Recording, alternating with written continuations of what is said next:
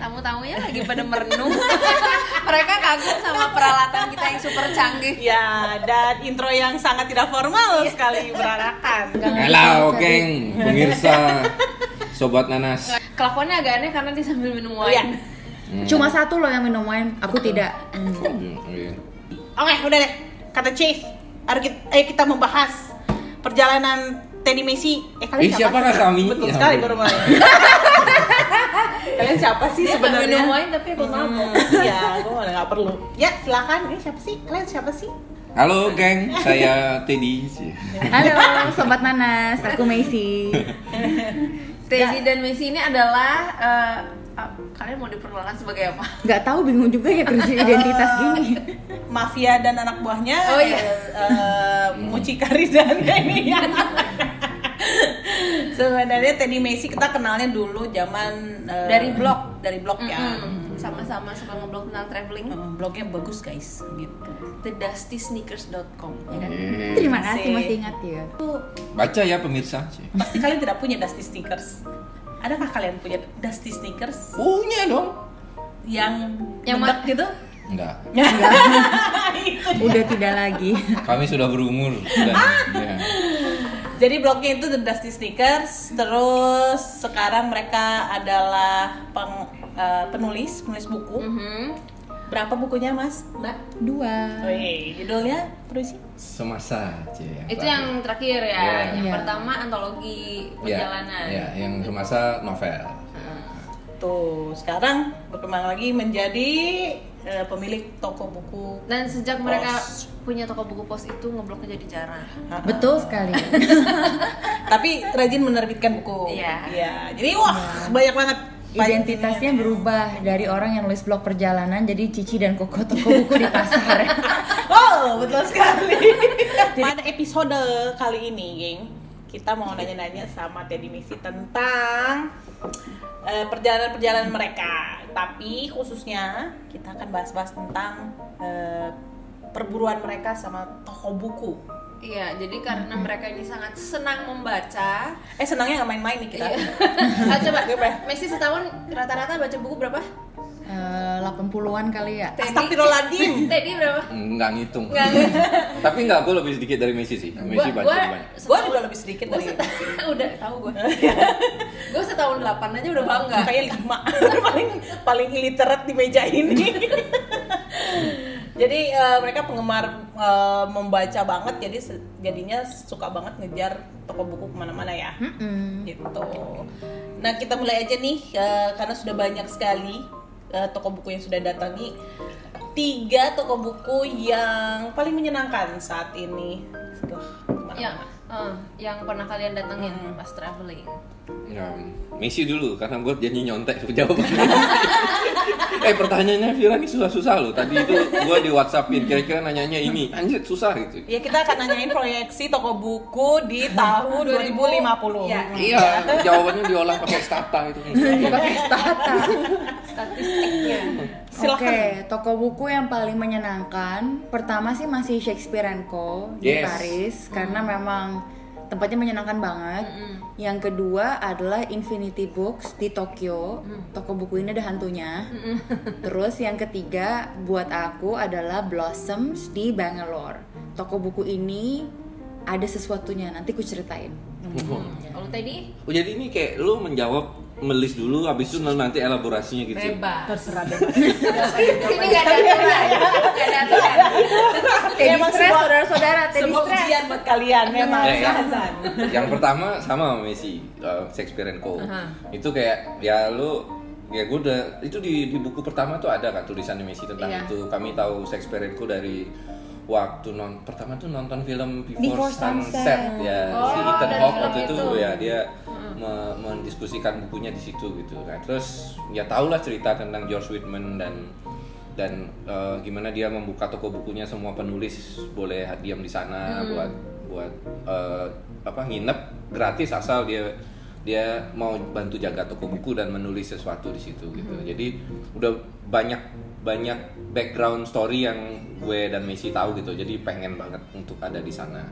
Terus yang kedua sama sama Messi, kayaknya em, Nyontek bener nih suami istri. Iya beneran. Pasti kalian suami istri Bukan, jodoh. tukang contek. tukang contek. Sobat Nanas, by the way, Firama Munggun bilang mereka nyari drama tapi nggak pernah ketemu. Tampaknya drama ditemukan di episode kali ini. Drama contek mencontek.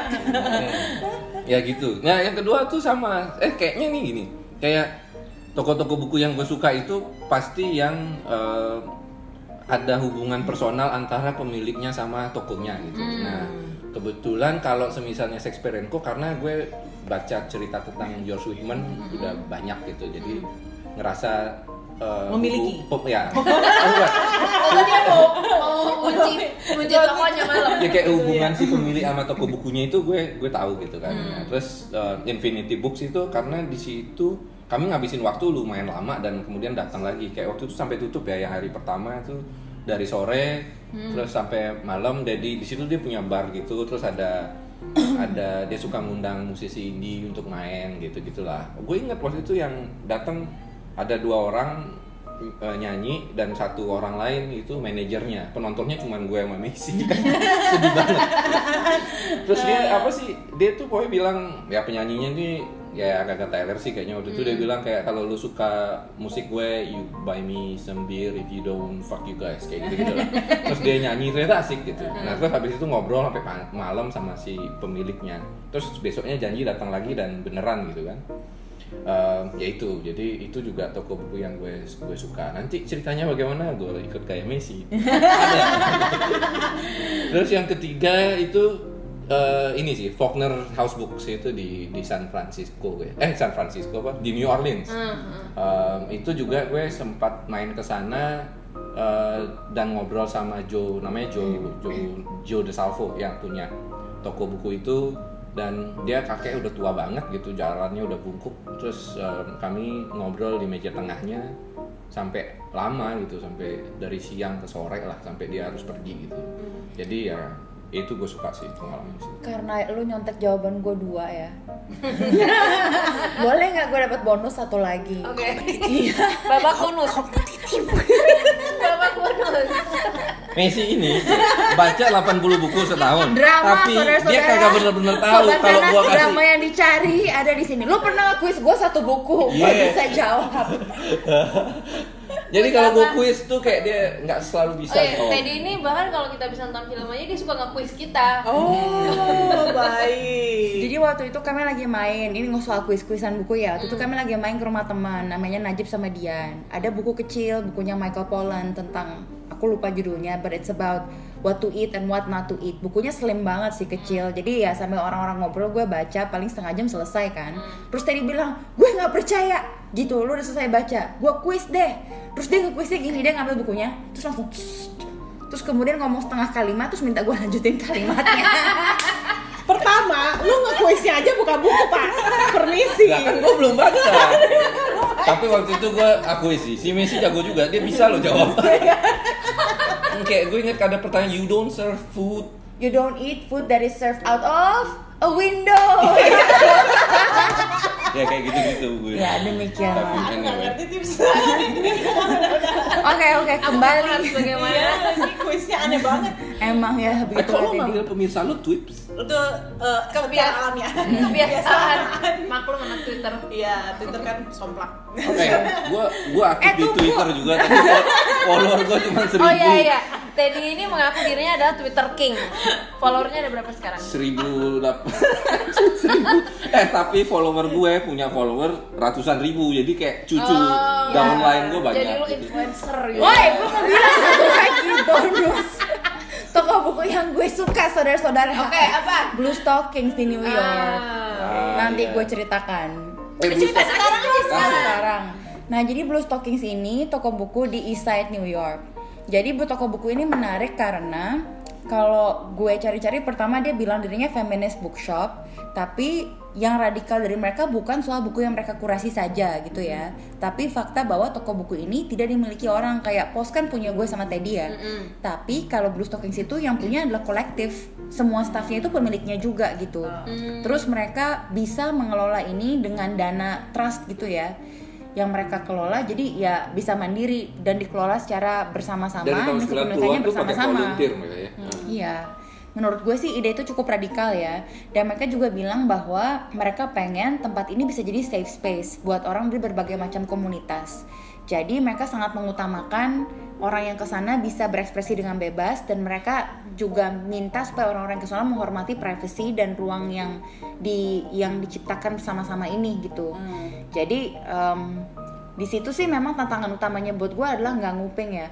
Karena kan kalau menjaga kenyamanan dan privacy, harusnya gue nggak nguping orang ngomong apa. Tapi Oh, iya. obrolannya seru-seru banget. Eh, dan toko bukunya Misalnya kecil lagi toko bukunya kecil, abis itu ada cafe. Waktu itu gue inget gue beli coklat chip cookie, tapi tentunya yang ada versi vegannya gitu kan. It's that kind of place gitu Iya. baik ya. baik baik Abis itu ketika gue lagi makan, gue enak sih by the way. Damn, gue baru mau ngomong pasti gak enak karena enak, vegan. enak banget. Nah itu semua stereotip gue soal vegan cookie hilang karena ternyata enak banget.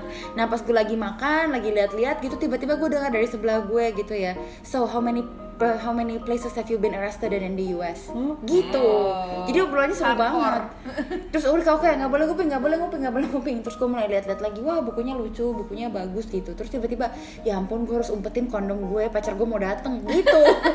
Jadi ya tantangan utamanya adalah tidak Gue bingung sih kenapa pacarnya datang dia mau ngumpetin kondom gitu. mungkin biasanya pacarnya yang bawa jadi kenapa lu punya Iya, kondom gitu Ah, deh. siapa ya Atau mungkin bisexual, Ah, iya. ya kan? Kok lu punya kondom cowok gitu kan kayak atau apa? Oh gitu. ya, terus toko buku ini serve the the, the only place in New York that serve one dollar coffee dia bilang kayak gitu ya. Iya. Dia kopinya sedolar doang murah banget. Ya, enak kan? enak. Ya oke lah. Ya. Tapi yang paling menyenangkan buat gue sih, ya pertama kurasi bukunya bagus-bagus ya. Dan kadang-kadang kan kalau buku yang toko buku yang bilang bukunya kebanyakan buku-buku woke gitu, kalau lo cari penulisnya juga kebanyakan tetap dari ya negara-negara yang dianggap dunia pertama dalam kutip gitu ya, tetap dari penulis Inggris, tetap dari penulis Amerika. Tapi tempat itu banyak banget buku penulis dari ya negara-negara yang dianggap dalam tanda kutip dunia ketiga gitu. Jadi negara-negara global south.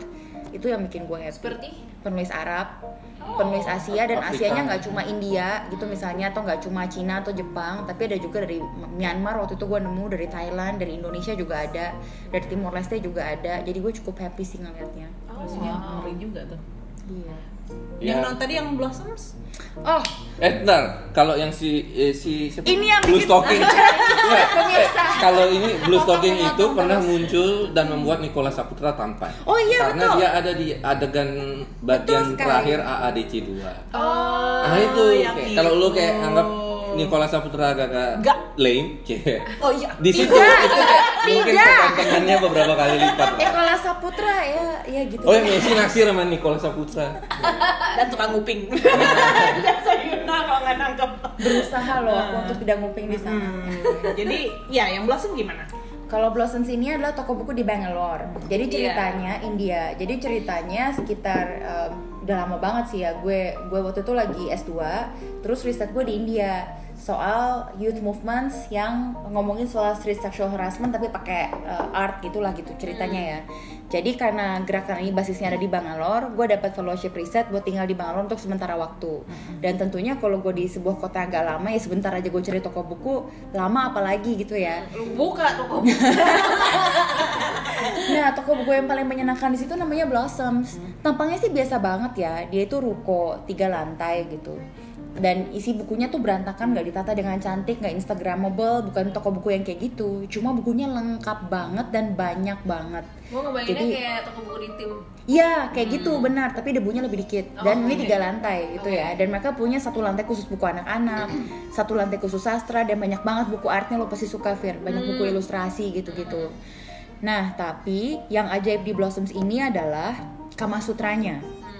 jadi kan buku di India murah-murah banget ya buku secondnya apalagi jadi waktu itu pas gue mau balik ke Den Haag tempat gue sekolah waktu itu gue bingung kayak ngasih apa ke teman-teman gue gue kasih Kama Sutra aja ah jadi gue beliin Kama Sutra second hand gue kasih ke satu satu teman gue ternyata setahun kemudian semua temen yang gue kasih Kama Sutra ini menikah beneran itu empat orang kan banyak kan nah ada apakah ini gue kemudian balik lagi ke Bangalore karena ada urusan lain gue melakukan hal yang sama gue beli lagi buku-buku Kama Sutra second hand Ini terus gue satu kasih lagi judul atau banyak judul? Kama Sutra Kama berbagai Sutra, cover berbagai atau apa. cover, berbagai edisi, tapi ini Kama Sutra second hand gitu kan. Abis itu gue kasih lagi ke teman gue yang lain. Bener dalam setahun nikah juga. Oh. Terus kesana ketika gue kesana ketiga kalinya kan gue beli lagi kan. Abis itu waktu itu ada temen yang mau gue kasih, tapi kami berantem. Gak jadi gue kasih, gue yang simpen kan. Ah. Tahun depannya gue yang kawin. Magic. Wow. jadi sekarang ya, kayak gue udah beli buku Kama Sutra second hand di sana itu sekitar 12 kali ya. 12 out of Udah kawin 12 orang yang Oke. megang itu dalam setahun nikah, ngeri banget. Selamat. Anda punya 12 petak di surga. Iya. Oke, sobat nanas yang pengen nikah, coba hubungi Messi. Iya. Suruh ke Bang Alor. Atau ke Bangalore, ke Walaupun toko ya, buku Blasem. ya gue Hubungi nggak tahu ini nomor di bawah ini. berkat atau mudarat ya kan nikah emang nggak buat semua orang sih ya nggak? Iya. Minimal pas dia nikah dia seneng dulu. Iya. Nantinya gimana tahu deh. Gue tadi pas dengerin Mexi, ternyata gue baru nyadar bahwa Mexi itu kalau cerita seperti menulis buku. Mm-mm. Jadi kayak oh ya sama moodnya sa- kayak sama moodnya baca buku sama dengerin Mexi ngomong gitu. Oh, mood Terus lu gitu, pertama iya. kalau lu baca Terus buku ya. mood lu kayak apa itu Iya, dia kayak, pertanyaannya hmm, oh, Terstruktur. terstruktur, terstruktur, Eh, eh. informasinya lengkap, oh, ya, tiga lantai ya gitu. Oh. Kalau gue kalau gue Lo By the minum aja, way- minum. gue pernah presentasi di kantornya Teddy abis itu ada yang nyampein Oh iya, dia, suatu terus hari ngasih dia feedback. presentasi di kantor gue, terus eh, seseorang eh, beberapa bulan kemudian bilang, oh kamu itu suaminya Messi ya, Messi itu seperti kejahatan pemilu kalau ngomong, Hmm. terstruktur masif dan apa? lupa gue masuk Kita Lupa. iya Dia kayak kejahatan pemilu katanya. Ah. kirain ada terus ya Allah ngomongin toko buku aja kemana-mana banget ya kejahatan pemilu. Eh by the way tadi yang pertama eh, Shakespeare and Co itu Oh, iya. Hmm. itu gue pertama tahu tentang toko itu dari kalian deh. Kalau nggak salah dari dari tulisan kalian. Hmm. Heeh. Ada di Ngerti blognya. ya? Iya, ini semua tadi yang diomongin udah ada di blog The ada Sisters ya. ada ada kayaknya Ya enggak, yang Kama Sutra nggak ada. ada Eh tapi si si Vira tuh kemarin ada woi lupa woi Kemarin dia Vira nge-tweet, dia baru habis dari Prat, apa Paris terus bilang bahwa Kama Sutra eh Kama Sutra. Siapa namanya? Saya Siapa kira- itu tuh rame banget kan, Iya. polisi banget. Iya, heeh. Bener sih, kayak di di siang itu di bawah itu Karena banyak gue kesana tulisti udah dan sore. Iya ya, se- se- Oh, ke jadi siang makin sore sore. gitu. Tapi di di atas itu kan dia nggak boleh foto-foto kan. Iya. Di atas itu Tapi tetap ada yang foto. Iya tetap ada sih, tapi lebih sepi. Waktu itu gue inget ya, gue sama Messi ke sana siang di bawah rame banget, tapi di atas tempat yang ada piano itu, terus di jendela yang menghadap Sungai Seine tempat buku-buku penulis Rusia harus ditempatkan. Itu masih masih nyaman untuk baca. Messi ngabisin dua buku ya di situ ya. Iya. Ini Iya. wow. Dokter Ajim, ya gimana? Gue milih satu buku aja. Kami lama banget sih sebenarnya Iya, di sana. lama banget. Tapi terus kemudian Seharian ya. berapa jam malam gitu. tuh balik lagi ke situ dan ngobrol sama penjaga toko bukunya yang tambah duit ya jadi kayak enam dia tuh dulu orang-orang yang boleh nginep di sana tuh kan disebutnya tambah duit dulu kayak semua orang boleh tidur di sana dan Anak segala magang. macam. iya banyak banget nah sekarang tuh cuma dibatasi kalau nggak salah enam orang atau apa gitu salah satu dan Sama. malam kami bisa ngobrol banyak sih Mereka banyak ngasih rekomendasi bagus-bagus. Jadi kami nemu Albertine Sarazin tuh Astragal itu ternyata buku favoritnya Patti Smith yang Pe- Patti Smith itu kalau nggak salah dapat buku second handnya waktu dia cuma punya duit tinggal 10 dolar gitu ya Hmm. dan mungkin 75 sen dan buku ini yang bikin bara semangat untuk berkarya ada di Patti Smith waktu itu kurang lebih. Jadi introduction edisi buku ini yang bikin Patti Smith. Nah itu Dikenalin kami sama si direkomendasiin sama Tumbleweed si itu. Tumbleweed ini. Hmm. Dan bukunya menarik banget sih. Ini cerita tentang penulis muda si Albertine Sarazin ini 21 tahun dimulai ceritanya tentang perempuan yang lompat keluar dari tembok penjara terus kakinya patah. Hmm. Terus dia harus menyembunyikan diri aja gitu. Ya, dan ya being on the run, being wild, being ya kadang-kadang bukunya ada di pos Bohemian. beli ya Oh teman-teman iya. boleh, boleh, boleh, Oh boleh, ya, kasih, boleh, Paus boleh. itu di pasar santai ah. iya. Sehubungan dengan dari toko-toko buku tadi. Yeay, Mumun mau nyontek pertanyaannya Aku lagi nyontek dulu nih. Oh iya.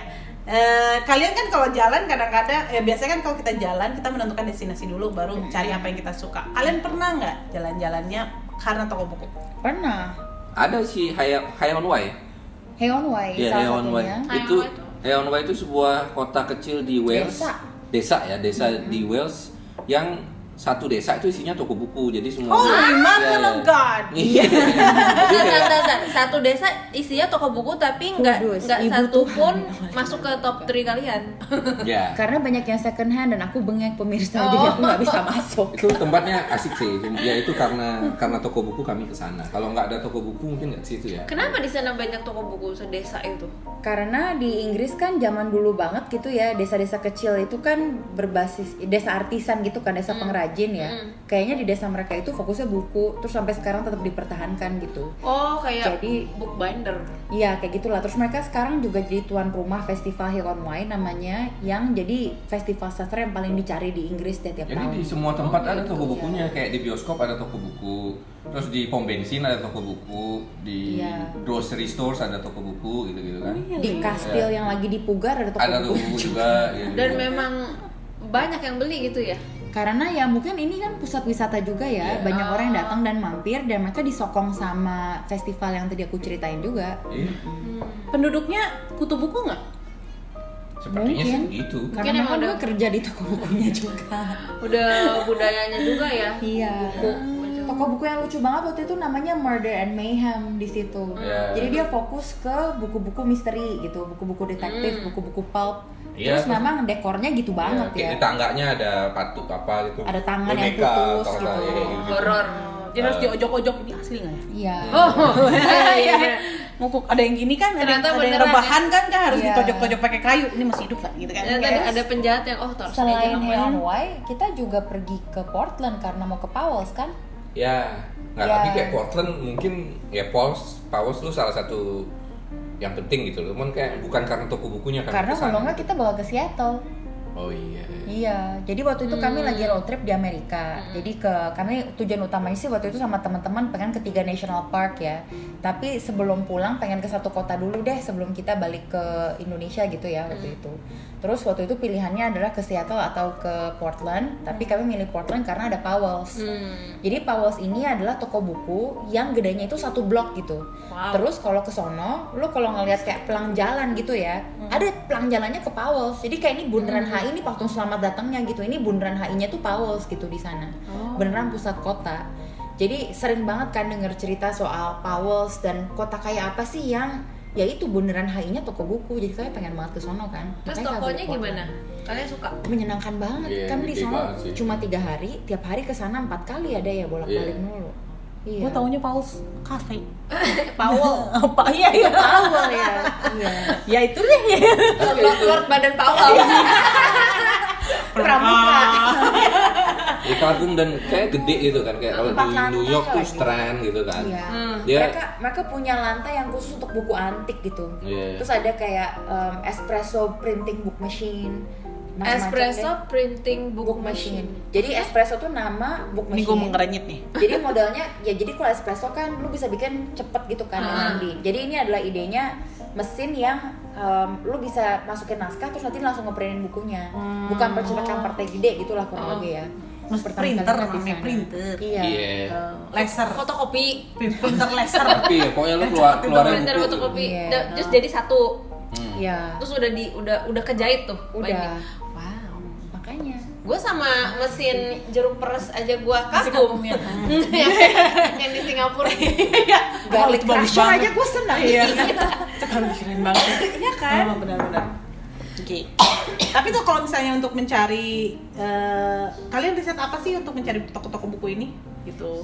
Sebenarnya sih kalau riset toko buku, em, kami kan kalau misalnya ke sebuah tempat cari aja independen Cari. bookshopnya adanya di mana. Google Kan- aja gitu Iya maksudnya. Google aja.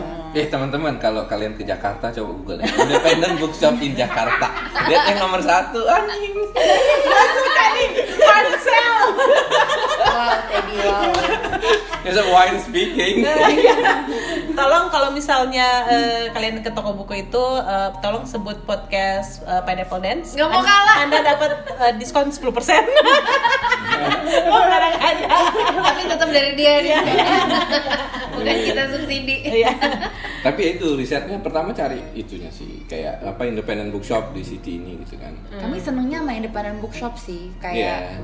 ada kan toko buku toko buku kayak Kinokuniya gitu kan bagus banget ya memang dan kami bukannya nggak seneng ke Kinokuniya sih tapi rasanya beda banget kalau ke toko buku independen yang lebih kecil kelihatan punya dikurasi kelihatan ada passionnya kami betah banget di tempat yang kayak gitu jadi Hmm. sedapat mungkin mencarinya yang- yang independen gitu Ya kayak misalnya New York itu kan strand yang gede gitu ya. Tapi yang kami ingat itu pasti blue stocking atau kalau di Iya. Inggris apa namanya di London tuh si- banyak banget ada second shelf box Enggak, enggak. kalau yang gede Apa? tuh si oh eh, Waterstone Waterstone. Atau Foils. Tapi Ya, kayak I lu like ingat them. Iya. Books on the Water gitu kan itu bu- toko Oh buku yang iya, ada gua di suka banget di Books on the atas Water. di Boleh atas nambah nggak, Miss perahu. Nadi? Dia Iya, toko buku you di had your chance Iya. toko buku di London yang di atas perahu di itulah gitu. Jadi Oh. stasiun Kings Cross jalan dikit ke belakangnya ada kanal namanya Regent's Canal. Hmm. Terus di salah satu sisinya ada kapal tongkang gitu ya. Kemudian kapal tongkangnya isinya toko buku. Oh, gitu. Lucu banget. Terus kalau di situ lagi cuacanya cerah gitu ya, bisa duduk di pinggir kanal. Terus ada tongkang di sebelahnya yang jual teh, jual kopi sama jual kue. Hmm. Jadi bisa beli buku di sana, baca. Terus mereka sering muter gramofon kayak piringan hitam, lagu-lagu jazz tua sama banget. Jadi suatu hari dulu tuh pernah to- ke pemerintah kota London itu me- menertibkan kanal itu gitu. Terus si toko buku ini digusur, nggak boleh lo parkir di sana dan jualan gitu kan. Tapi kemudian warga London tuh bikin petisi untuk me- membuat tetap itu boleh itu terus berhasil gitu. Jadi kayak ya udah ini kayak ini kota yang cinta gitu sama sama toko buku gitu. independennya. Ya Sama London itu situ. memang tem ya surga banget sih untuk orang yang suka sama buku dan toko buku independen ya.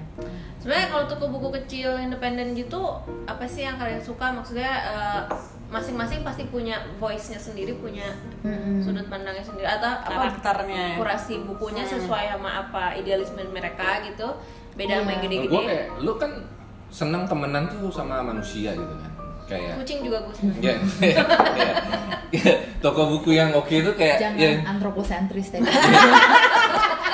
Wow, langsung pletas. I misi, learned a new Iya. word misi come up dengan istilah-istilah anthropocentric ah. gue yang sama Malaysia lagi. Ya, anyway, jadi kayak toko buku independen itu lu ya kayak lu senang sama temen yang karena sifatnya kesukaannya kayak gitu-gitu kan. Lu senang sama gitu, manusia. yang, nah, yang nyambung gitu Ya, toko buku independen itu sering juga punya personalitinya kayak manusia. Dia punya dia posisi politiknya apa sih gitu atau dia sukanya apa gitu.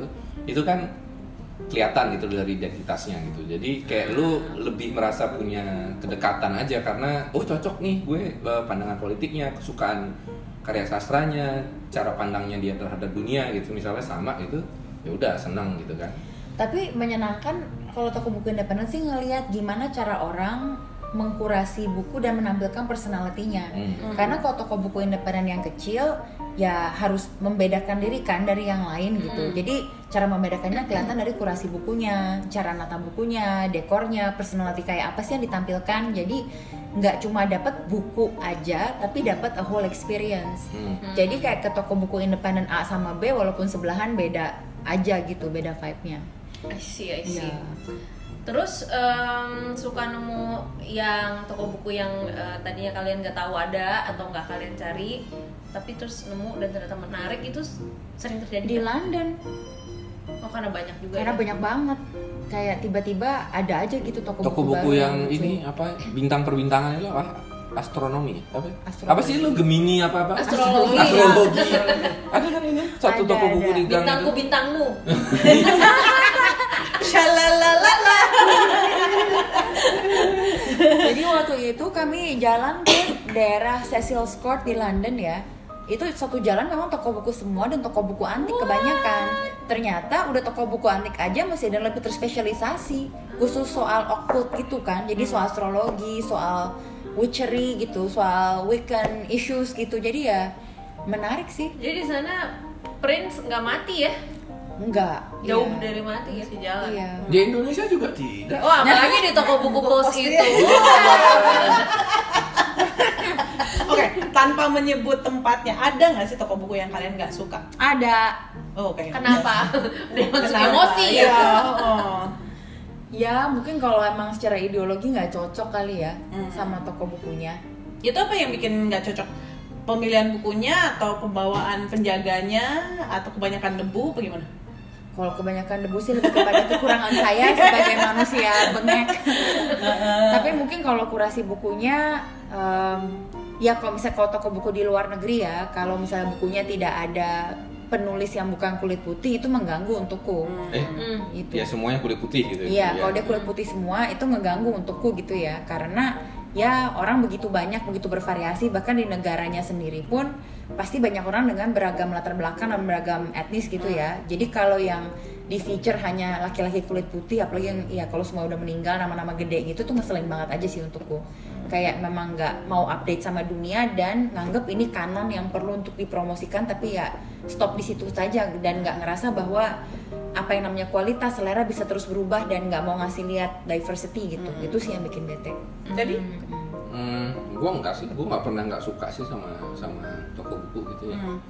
Jadi, Hmm. kalau heran pernah ya Hah? kalau heran pernah kan heran, sedih kadang ada sih kayak Wow. "Anjing, gini banget sih bukunya gitu. Anjing gini banget kayak marah ya kayak lebih ke nggak suka daripada sedih kalau gue rasa. Iya. karena pilihan bukunya, Hah? karena pilih karena buku yang ada di situ gimana?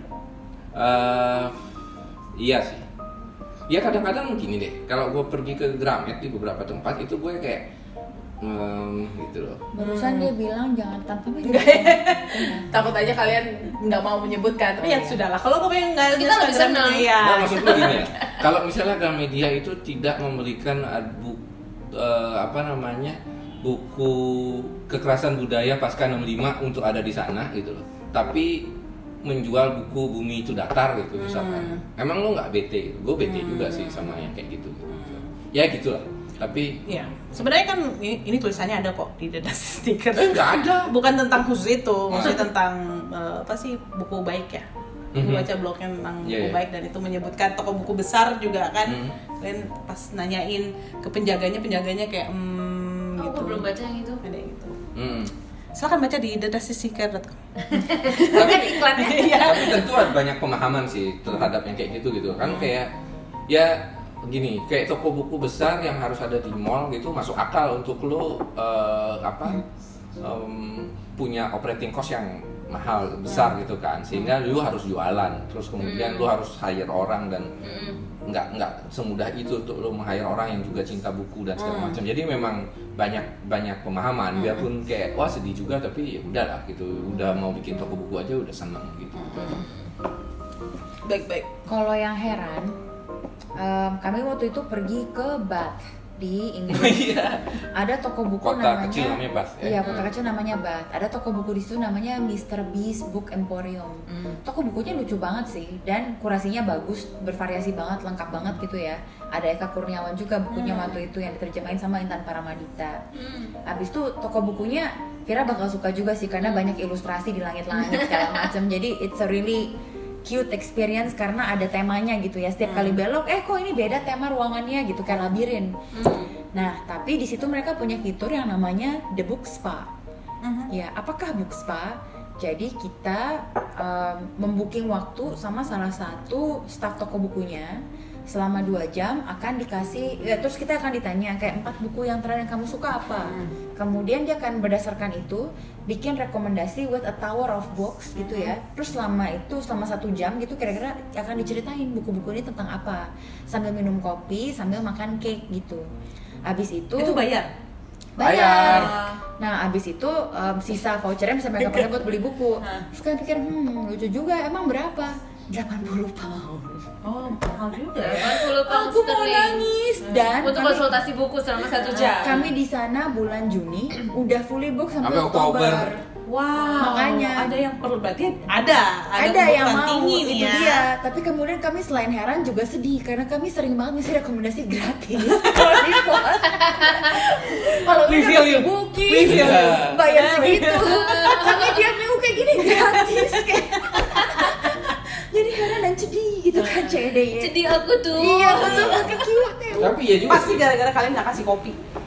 iya Hmm. makanya Harga kopinya yang 80 pound Kasih itu. mie, kasih mie, mie ayam Cino. tapi ya hal-hal soal bayar dan kayak di Inggris itu misalnya orang ke willingness orang untuk membayar untuk pengalaman dengan buku itu oke sih kayak Iya, betul. kalau lo bikin book launch atau book talk gitu ada tiketnya kan Untuk lo- Hmm. rata-rata 10 pound ya 10 tiketnya pound. Kalian kan tiketnya. juga sering ya ada book launch. gratis Gitu juga.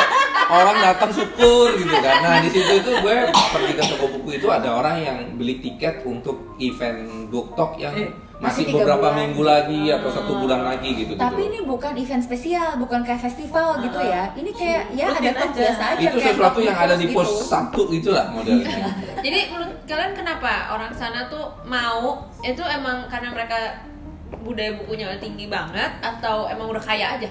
menurut ya semuanya sih ya tapi Semua yang sih. pertama mungkin ekosistem perbukuannya jalan di situ ya Hmm. jadi memang antara distribusi antara produksi kurasi dan market semuanya ada gitu Hmm. dan ada penghargaan yang bagus juga untuk skill penulis gitu Penulis. ya kalau di Indonesia menurutku memang kami di pos dengan ya kami ngelihat orang-orang murah hati banget berbagi pengetahuan penulis-penulis mau berbagi tanpa dibayar Mm-mm. mau datang ikut diskusi itu memang sangat menyenangkan dan kami bersyukur jadi bagian budaya kayak gitu di sini. Tapi di Inggris juga ngelihat ketika ekosistem semuanya jalan, cukup banyak pemain, nggak cuma itu lagi itu lagi yang jadi oligarki gitu misalnya dan daya beli orang juga cukup untuk Hmm. mensustain industri seperti itu, maka profesi penulis juga lebih dihargai. Hmm. Nah, aku punya teman penulis juga yang sekarang tinggal di Inggris. Dia cerita tentang memang di situ ada ada serikat pekerja, serikat pekerja tapi untuk para penulis freelance. Hmm. Jadi memang ada standar trade gitu. Kalau mau Hmm. talk itu harganya berapa dan lain-lain, kalau ngasih kelas berapa.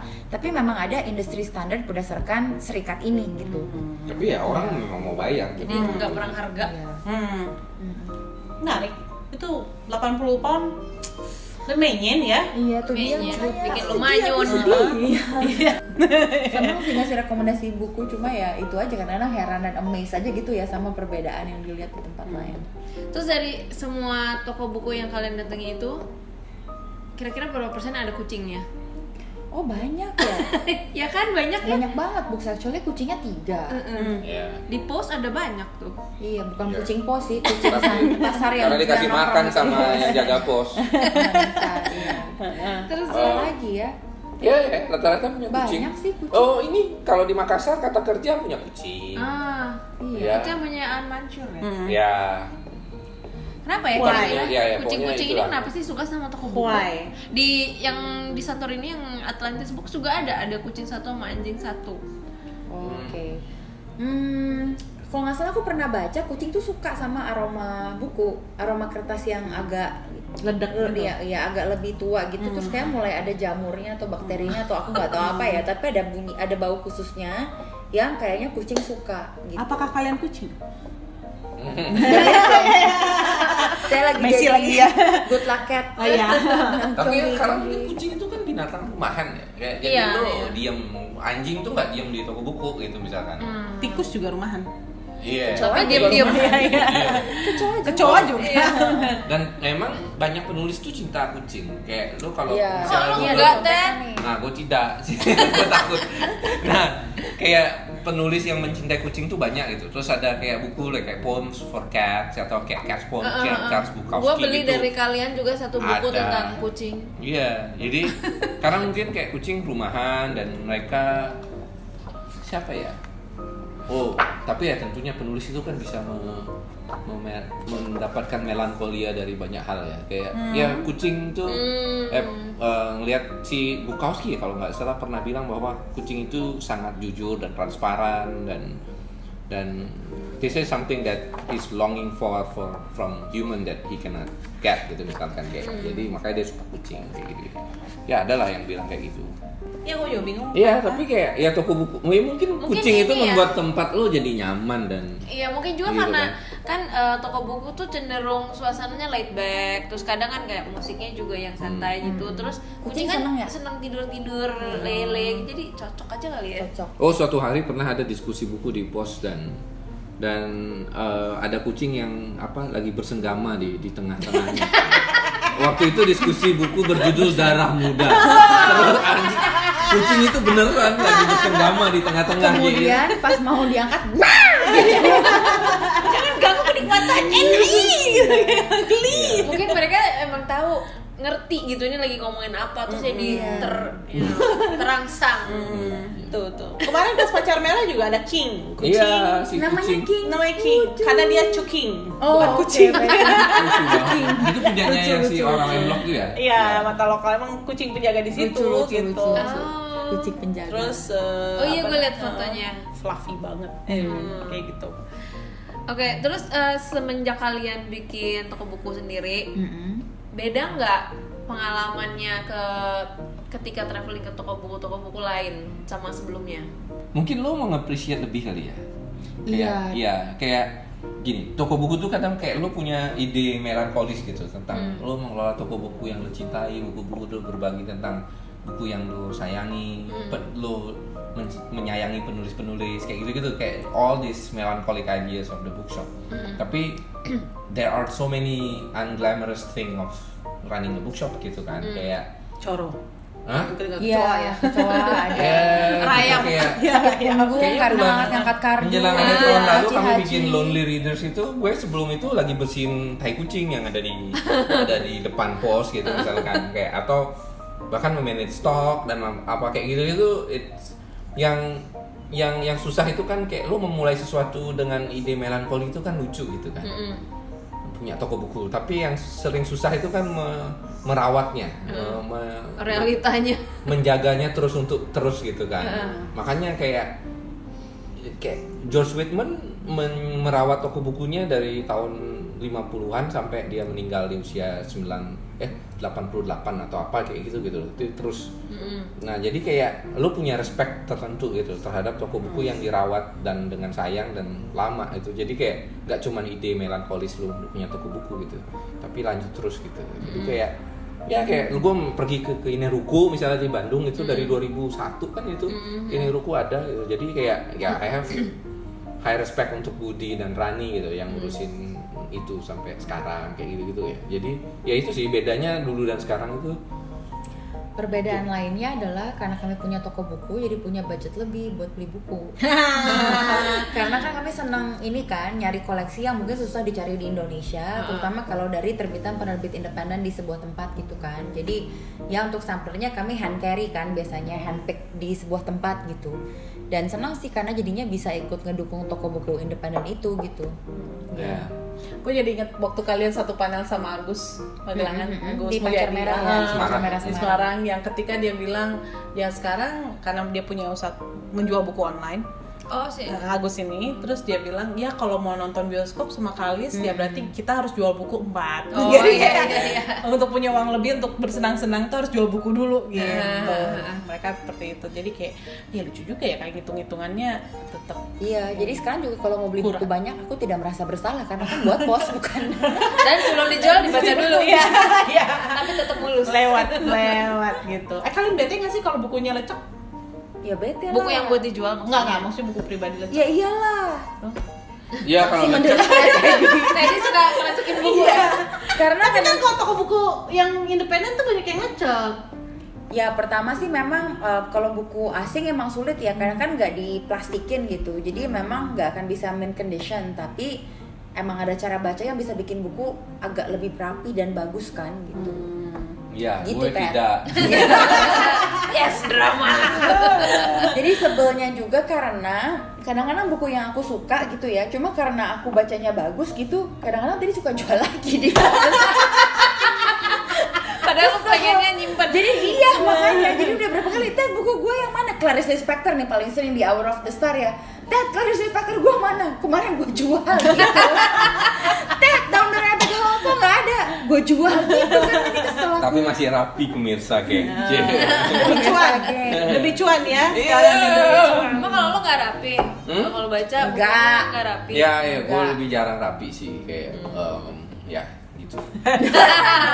gue melipet halaman kalau nggak ada buku main gue lipet tuh halaman Kalau gua kalau bukunya secara visual bagus akan gue sayang sayang. Tapi kalau tulisan doang nggak apa-apa Lipet nggak ini?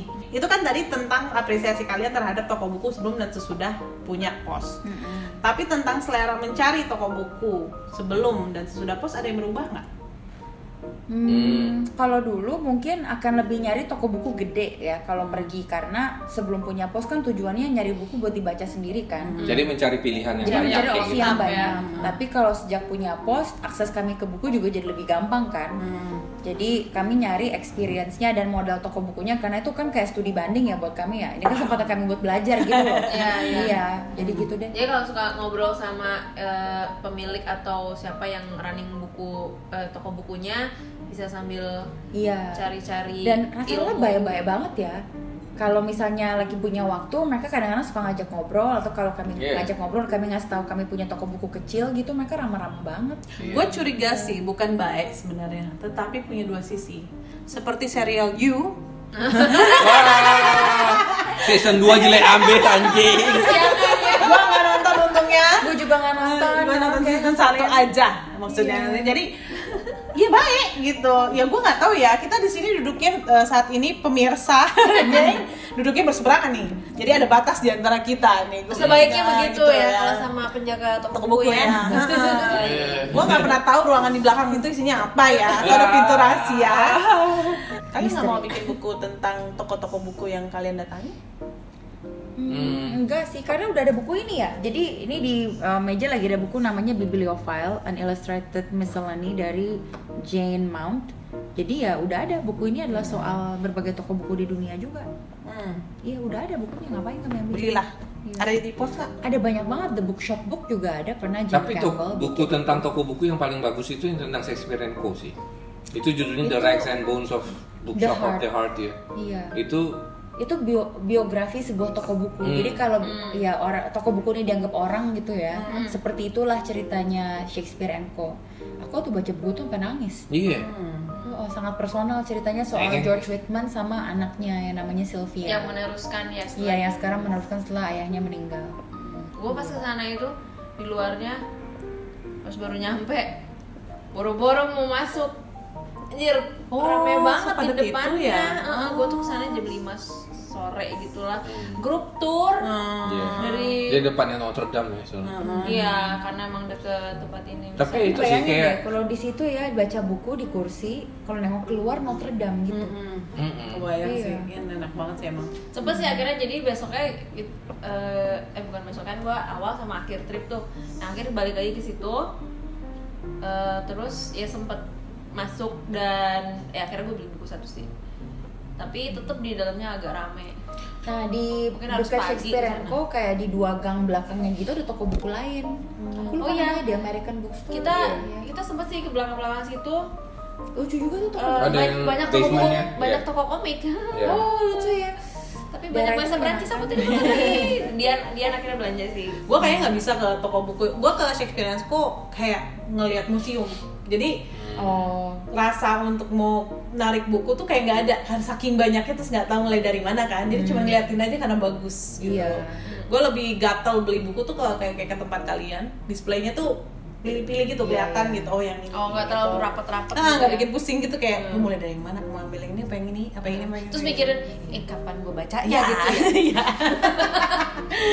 tapi pertanyaan lo Eh, ini kalau di Indonesia kan tadi udah kesebut tuh Kinaruku Mm-hmm. sama Tata kerja. Tata kerja di Makassar, Hmm. Kinaruku di Bandung. Mm-hmm. Ada lagi nggak yang lain yang kalian rekomendasikan? Di tim kan toko bukunya. Hmm. Yosi Rizal, Iya. terus ya ke Kami waktu itu di sana. Pasar semua- Santa.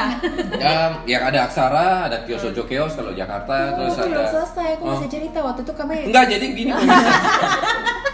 di toko buku tim itu aku inget hal paling menyenangkan adalah kami ketemu bukunya Miss Bayu Sabiran judulnya Iya. Keajaiban Pasar Senen di situ. Jadi Miss Bayu ini filmmaker gitu tahun 60-an gitu kali ya, 60 Itu, 70-an ya. dan ternyata sangat terkenal cuma aku karena kurang gaul tentunya nggak tahu Dia dia yang bikin siapa. sinematek. Ya, ternyata tapi dia juga penulis yang sangat lucu. Dan keajaiban Pasar Senen ini cerita soal seniman-seniman di Pasar Senen. Jadi Tahun ceritanya 50-an. dulu sebelum ada tim, mereka ngumpulnya di Senen gitu. Dan banyak di antara mereka seniman yang ngomong gede doang tapi nggak berkarya. Jadi dia bikin satirnya dan itu lucu-lucu banget. Aku pengen banget sih bikin acara namanya Keajaiban Pasar Santa dimana kita ngebacain cerita-ceritanya Miss Bayu Sabiran biar diterbitin lagi soalnya lucu banget Eh, right-nya ada di Gramedia, Gramedia tolong terbitkan kembali buku itu anjir, bagus banget anjir. Minta dong beli rights-nya dong. Nah. Harus Ah, terbitin dong. Semoga ada orang Gramedia yang dengerin Iya. Kita tag aja apa ya? Kalau kalau ada kerabatnya eh, Pak Miss Bayu Sabiran yang masih memegang haknya kami tertarik loh ya? post press Oh, gitu. Sekarang kami aja yang nanya sama ini. Eh, ini rencana misi visi misi kalian terhadap Indo ini ini apa? apa yang namanya Podcast. Pineapple Podcast ini apa sih? Gak ada, gak ada. ngobrol aja. Ini sebenarnya ajang baik kita ketemu lagi sama teman-teman, ngobrol tentang perjalanan, Menggali-gali macam-macam Nggak gibah cerita. gitu kan. Eh gibah Eh, sih. kita tapi gibah di- yuk. Iya, iya. Nanti tapi abis ini Di luar dimatiin ini dulu ya. gitu. Oke, kalau gitu terakhir kan tadi gue nyebut ada soal hantu ya. Ted ceritain dong soal hantu Oh iya yang, Infinity Books. yang di Tokyo ya. Iya. Jadi tuh eh, di Tokyo tapi buku-bukunya berbahasa Inggris. Mm-mm, yang karena punya yang punya Namanya Nick Ward, ya. Iya. orang Inggris. Jadi gini, Iya, orang kayak Inggris. di berbagai toko buku di dunia ini, permasalahan dari toko buku independen adalah sewa yang mahal. Jadi kayak toko buku di India ya, eh, apa namanya? Yodakin itu tutup Iya. karena sewanya nggak nggak ketutup gitu kan. Dan banyak toko buku yang tutup karena itu. Nah, si Infinity ini eh, di tempat yang sangat prime di Tokyo itu, sehingga ah, padahal harga sewa biasanya mahal di situ, cuman dia bisa Ini dapat deket Ueno Station, ya dekat Ueno. Iya. Jadi Aku nggak ngerti belum Nggak pernah ngerti. ke sana. deket Tokyo Tower. Oh, baik baik baik baik. ya itu terus em, apa tapi mereka bisa di situ karena sewanya sangat murah kenapa karena di situ ada hantunya jadi kayak eh, jadi apa gimana suatu hari Hantunya ini, kayak tau dari mana ada hantu? Jam 3 pagi misalnya tiba-tiba musik nyala sendiri. Nah. Hmm. Ya, ya, Kemudian ya hantunya kayak demen elektronik ya. Kemudian kalau nggak contohnya komputer. Soalnya nyala hantu sendiri. Jepang. Iya. Iya, terus suatu hari Teknologi. itu ada temannya si Nick ini yang cenayang, terus dia mengusir hantu itu dengan ya prosesi cenayang itu, sehingga bebas dari hantu lah. Tapi suatu hari kemudian sesudah tidak ada lagi hantu itu, anak di lantai duanya itu turun dan bilang sama Nick, oh ini hantu lu pindah ke tempat gue, gitu. terus tolong panggil polisi, bingung gak sih Nick? Gimana caranya sih polisi ini? Tapi ya udah, akhirnya besoknya datang lagi cenayang Acan? mengembalikan hantu ke sana. Harusnya panggil Ghostbuster. Ya, jadi Nick itu tetap bisa Hmm. Oh, iya, bertahan di betul. situ karena Ghostbuster. Eh, sewanya murah. Iya, Kayak gitu. Ghostbuster jangan datang ke toko buku karena tampaknya dia cukup ramah. Nicknya kayak seneng sama hantunya juga sih, dan itu bikin harga sewanya tetap terjangkau. Murah. Iya. Jadi toko bukunya masih bisa ada. Tetap hidup ya. Ada ceritanya di dress stickers. Dot com. Dot com. Setahun cuma ada dua tulisan. Dan gue udah gak pernah nulis lagi. Ah, iya gue juga kangen nulis. Membaca blognya Teddy Maxi ini menyenangkan sekali. Jadi Maxi menulis bahasa Inggris, eh, tadi menulisnya bahasa Indonesia gitu. Pick your pick your player. Yeah. Terus ada ini lagi nggak toko buku lagi yang kalian pengen datengin? Uh, Yang sudah ada Hmm. diniatin. Kuitang, oh, enggak ya? Biar ketemu A, A itu eh, Kokoniko. bukan itu kita susul ke tangkahan. I- I- Eh, nah sih terakhir kami itu di bucket list adalah eh, City Light ya. City Light itu Senang banget sih sama Siti. eh, di San Francisco itu temen deketnya sama eh, George Whitman-nya Shakespeare and Co gitu. Jadi mereka berteman dan sama-sama menyayangi dan mencintai penulis-penulis generasi beat terus dia bikinlah di San Francisco. Nah, suatu hari kami akhirnya berhasil ke sana gitu. Terus em, di toko bukunya itu selain bagus itu selalu punya posisi terhadap hal-hal gitu. Jadi kayak tok- San Francisco tuh dianggap terlalu banyak iklan, terlalu banyak ya kayak gentrifikasi itu ter- terlalu tinggi lah gitu. Harga-harga sewa mahal terus kebijakan pemerintah yang anti imigran dan lain-lain. Jadi dia mendedikasikan Oh, iya? eh, eh, depan depan tokonya itu untuk poster-poster yang merespon itu gitu. Jadi kayak waktu itu ada poster bahwa Amerika itu seharusnya ramah terhadap imigran kayak gitu gitulah misalkan. Eh, jadi ya kami suka sih karena toko ini juga Dan tua mereka dan- baik banget ya. Iya. Jadi waktu itu ya kami bisa pergi. Punya Iya, dosis. Anda- ya mungkin sih. Psycho, psycho, Iya, psycho. benar. Tapi waktu itu kami ke sana karena aku eh, perlu melakukan sesuatu yang Hmm. terkait pekerjaan gitu ya. Dan kami memang mendaratnya di San Francisco, tapi sebelum pekerjaanku mulai kami mau road trip dulu ceritanya gitu deh. Jadi pas ke sana aku aku ketemu bahwa David Graeber itu mau bikin talk di Hmm. sana. Tapi kamu udah keburu road trip gitu pada waktu itu mau ke National Park. David Graeber ini adalah seorang antropolog yang banyak ngomongin isu-isu politis gitu. Misalnya soal utang, soal debt yang lain-lain, tapi karya terbarunya dia adalah tentang bullshit jobs. Jadi menurut dia kayak ekonomi sekarang ini salah satu karakternya adalah banyak banget pekerjaan yang nggak perlu. Bullshit. Super bullshit. Kayak misalnya ada resepsionis buat apa sih? Karena ada orang-orang yang ngerasa dirinya terlalu penting untuk menerima tamu gitu. Gitu loh misalnya Hmm. ya. Nah, jadi dia bikin buku itu dan aku memang senang banget sama Graeber dan aku udah baca buku-bukunya lama dan aku sedih banget karena nggak bisa ketemu sama dia dan nggak bisa ikut acara itu. Nah, terus si penjaga toko bukunya bilang, oh tapi kalau kayak gitu kamu beli aja bukunya, titipin, kasih tahu mau ditandatanganin buat siapa, nanti aku minta ditandatanganin, habis itu kamu tinggal jemput deh pas kamu mau pulang gitu. Terus ya udah, aku melakukan itu dan beneran pas kami balik di akhir tripnya, "Ah, ada bukunya bertanda tangan, seneng ah, seneng banget. Wah, amazing, David Bullshit. Graeber. Eh apa aja sih bullshit job misalnya? buat lu Nggak sama- hafal. Ya lucu sih, kayak lu bisa bikin podcast tentang bullshit job Kayak job itu kagak ada pun, kagak apa-apa. penting sebenarnya Jadi gitu ya, Kayak argumennya doorman. adalah, iya Iya. betul. Argumennya dia adalah ini alasan kenapa orang benci banget kadang-kadang sama pekerjaannya karena it's bullshit job. Oke, Mulai itu dari yang kerah yang- Hmm. biru sampai kerah putih juga. Iya. apa yang meriksa tas di mall Dan di MRT sekarang, Pakai oh my dua god, tuh stick. aneh banget. Hmm. lu lewat Kenapa? tetap bunyi Eh, kenapa MRT diperiksa? Anyway, aneh banget itu. Hmm. begitu demikian oh Baik.